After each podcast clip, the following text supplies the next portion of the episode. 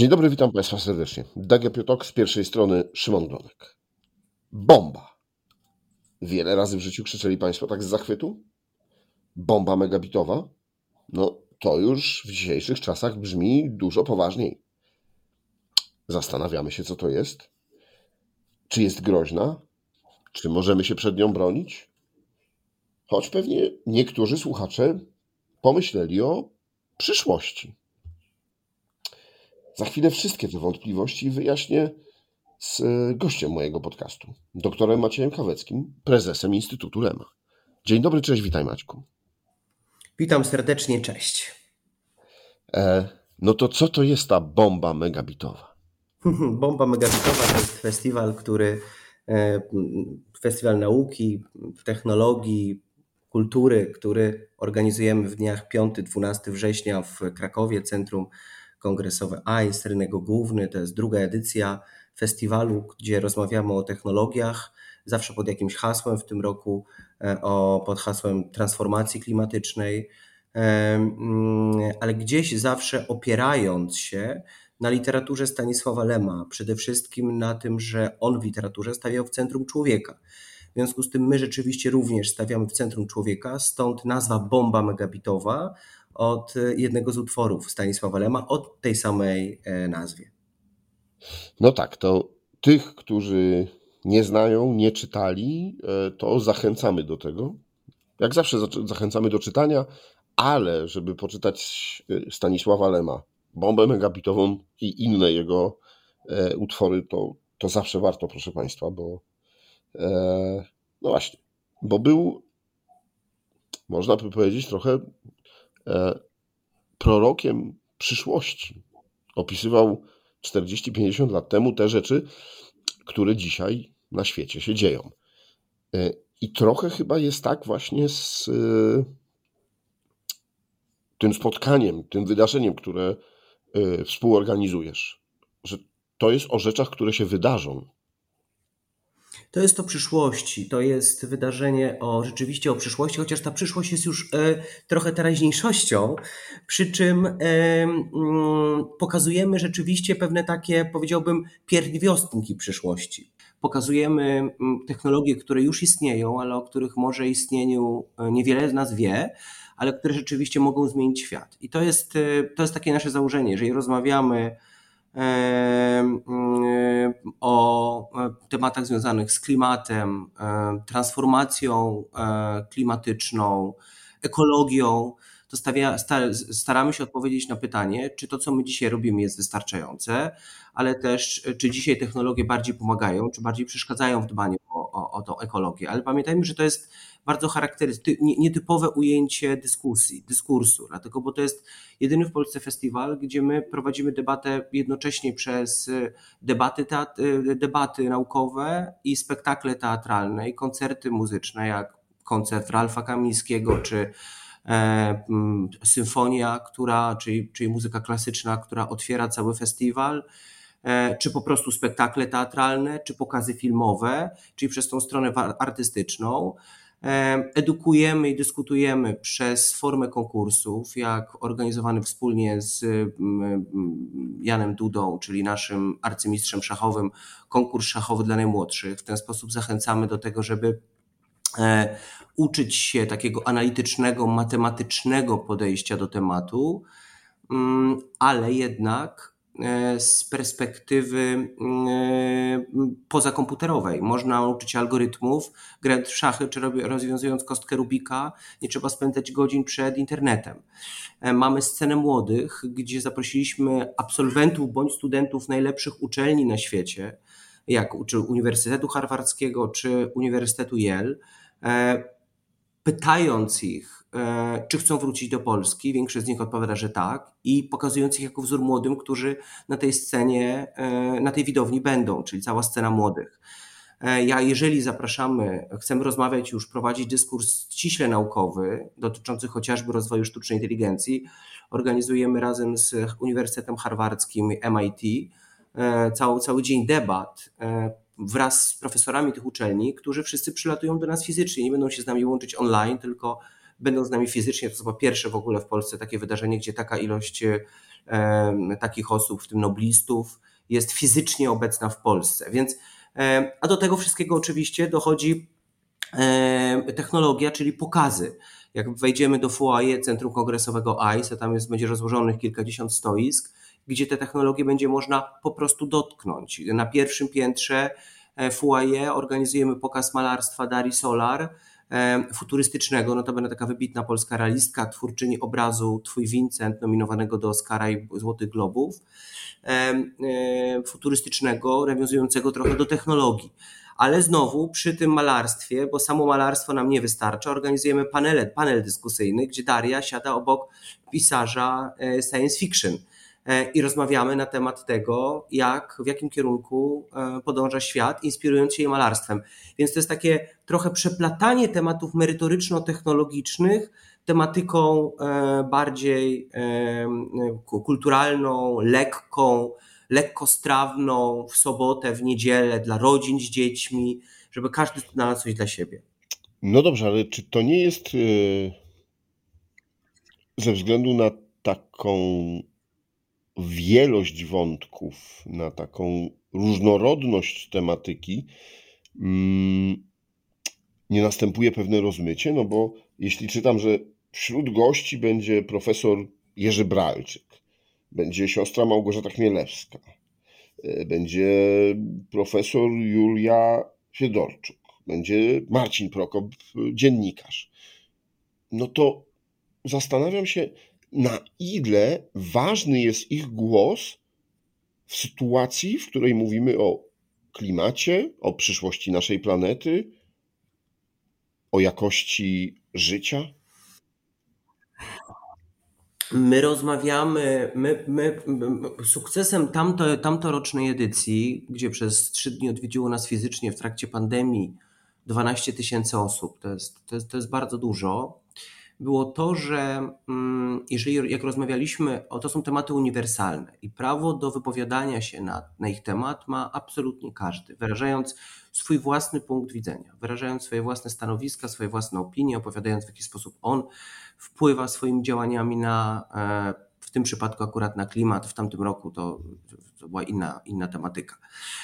I my zawsze prowadząc taki dyskurs, zestawiamy e, obok siebie bardzo nieoczywiste osobowości, czyli obok startupowca, który tworzy technologię ściśle proekologiczną, sadzamy na przykład profesora e, Bralczyka, który akurat wypowiada się, mimo że jest językoznawcą, to nie można również zapomnieć o tym, że jest filozofem. I wypowiada się, nadaje na to taką czapę filozoficzną bardzo silnie, nie językową, ale filozoficzną. Akurat jeśli mówimy o Marcinie Prokopie, to Marcin prowadzi galę, uroczystość zamknięcia festiwalu, na którym zresztą odbywa się koncert Ralfa Kamińskiego. Mm, natomiast pisarze również, to znaczy pokazują w jaki sposób oni promują dobre wzorce, ale pamiętajmy też, że klimat to jest bardzo, bardzo szerokie ujęcie. To my, my cały czas myślimy o tym, że dbanie o klimat to jest prawidłowe sortowanie śmieci i ich wyrzucanie. Nikt nie wie o tym, że wykorzystywanie dóbr cyfrowych obciąża niebywale serwery, które wymagają energii, która cały czas nie pochodzi bardzo często z odnawialnych źródeł i w ten sposób postępujemy nieekologicznie. E, pamiętajmy również o tym, że ekologia to jest zrównoważony rozwój i my o tym również roz, rozmawiamy. Profesor Bralczyk ma e, swój wykład na temat e, tego, jak dzisiaj powinniśmy wykorzystywać język do tego, żeby e, rzeczywiście być takim e, zrównoważonym w działaniu, postępowaniu, ale też czy jak język potrafi budować, e, polaryzować, podzielać, dzielić narody, co ma bardzo silny związek związany dzisiaj z rozwojem, dlatego bo okazuje się, że technologie coraz częściej się deglobalizują, że my się różnimy od siebie regionami, mamy inne wzorce postępowania, nie żyjemy już w erze globalizacji, tylko w erze deglobalizacji, e, co ma ogromny wpływ na to, że jeżeli chcemy wdrożyć rozwiązanie proekologiczne, to ono musi inaczej funkcjonować w Azji, inaczej funkcjonować w Europie, a inaczej w Ameryce Południowej. Bardzo często, bo mamy po prostu zupełnie inne wzorce postępowania, coraz mniej migrujemy. I to są, więc to są takie tematy, które my poruszamy bardzo szeroko, to jest, mają inspirować. To nie są e, debaty o charakterze naukowym. Nie rozmawiamy o tym, ile, jakie jest stężenie, jakie jest e, gęstość przechowywania energii w bateriach wodorowych, bo nikogo to nie interesuje, ale będziemy starali się odpowiedzieć na pytanie, czy naprawdę wodór na przykład jest przyszłością. W prostych słowach, wytłumacząc, pokazując zresztą takie samochody, pokazując jak funkcjonują samochody wodorowe, dlaczego to jest przyszłość sektora motoryzacyjnego. E, więc to jest taki miks, bardzo szeroki miks, konglomerat różnych ujęć. A powiedziałeś o edycji ubiegłorocznej, e, o niewątpliwym sukcesie, o którym na pewno wiele osób e, słyszało, ale to była edycja ściśle związana z e, właśnie z Lemem, z mm, jego urodzinami, z tym, o czym on pisał, mówił. Natomiast tegoroczny kongres, spotkanie jest no już trochę w oderwaniu. E, czy zapominacie o Lemie? Tak, Odchodzicie dlatego, od tego? bo w tamtym roku mieliśmy... Nie, nie, nie, w tamtym roku to była setna rocznica urodzin Lema, w związku z tym ten Lem e, bardzo silnie istniał, w, to jest oczywiste, ale absolutnie nie zapominamy. Ostatnia uroczystość festiwalu to jest wręczenie nagród Planeta Lem w, kategorii nauka, kultura e, i e, technologie. Mm, mój wykład będzie poświęcony bardzo, będzie bardzo silnie nawiązywał do, do Lema. Zresztą mam też zamiar otworzyć festiwal słowami Lema, ale on gdzieś będzie się przeplatał w dialogu, on będzie, będzie gdzieś obecny, natomiast e, to nie jest kongres lemologiczny. Czyli to nie jest kongres, w którym my będziemy analizować literaturę Lema. My się do niej odnosimy oczywiście, natomiast y, trzeba te, te dwie rzeczy od siebie odróżnić. On jest gdzieś takim naszym patronem, czyli y, stawiamy na przykład na człowieka. Odpowiadamy na pytanie, czy stawiamy na człowieka, czy stawiamy na, czy stawianie na człowieka to jest jednoznaczne stawianiem na ekologię, czy da się pogodzić te dwie wartości. Mm, czy naturalną konsekwencją rozwoju jest śmierć człowieka za kilkaset lat? Czy technologia nas zastąpi? To nie jest pytanie z natury głupich, tylko pytanie z natury niezwykle mądrych, dla mnie najważniejszych e, na tym festiwalu. Dlatego, bo jeżeli sobie spojrzymy na cykl ewolucyjny, to mm, możemy porównać dzisiaj sztuczną inteligencję do e, niewolników w starożytnym Rzymie. Jeżeli sobie spojrzymy na historię e, rozwoju człowieka, to zobaczymy, że niewolnicy funkcjonowali w zasadzie zawsze natomiast w pewnym momencie i robi dokładnie to, co dzisiaj robi sztuczna inteligencja, czyli wyręczali człowieka, po to, żeby on mógł e, jeść chleb, jak to mówili Rzymianie, i pić wino. I dokładnie tak jest ze sztuczną inteligencją. Intencją dzisiaj sztucznej inteligencji jest e, e, pomoc człowiekowi, ale niewolnicy się w pewnym momencie zbuntowali. Sztuczna inteligencja, rodzi się pytanie, czy sztuczna inteligencja też się może zbuntować. Czy istnieje taka możliwość techniczna, że się może, czy może uzyskać samoświadomość. Jeżeli spojrzymy dzisiaj na nasze ciała, na nasze organizmy, nigdy technologia nie zmieniała fizycznie człowieka silniej. Jakbyśmy zasnęli w tysięcznym roku i obudzili się w roku 1500, to prawdopodobnie nie zauważylibyśmy, że minęło 500 lat. Tak mało się zmieniło. Jeżeli byśmy zasnęli na łące w roku 1940, i obudzili się w roku 1960, to byśmy zauważyli różnicę. A dzisiaj zauważyłby ktoś różnicę po oddechu, po, po wszystkim. Wszystko się zmieniło. Nawet, y, y, nawet rośliny się zmieniły. Y, więc to wszystko powoduje, pokazuje nam bardzo silnie, w jakim miejscu jesteśmy, i ten transhumanizm ma tutaj ogromne, fundamentalne, bym powiedział, znaczenie. Czy przyszłością będzie to, że kto powiedział, że człowiek ma być istotą zawsze żyjącą i człowiek ma być dominujący na Ziemi. Kto tak powiedział? Nikt tego nie powiedział. To jest nasza chęć przetrwania, robienie wszystko, e, to jest nasza żądza e, życia na Ziemi, to jest nasz instynkt przetrwania, ale nikt tak nie powiedział.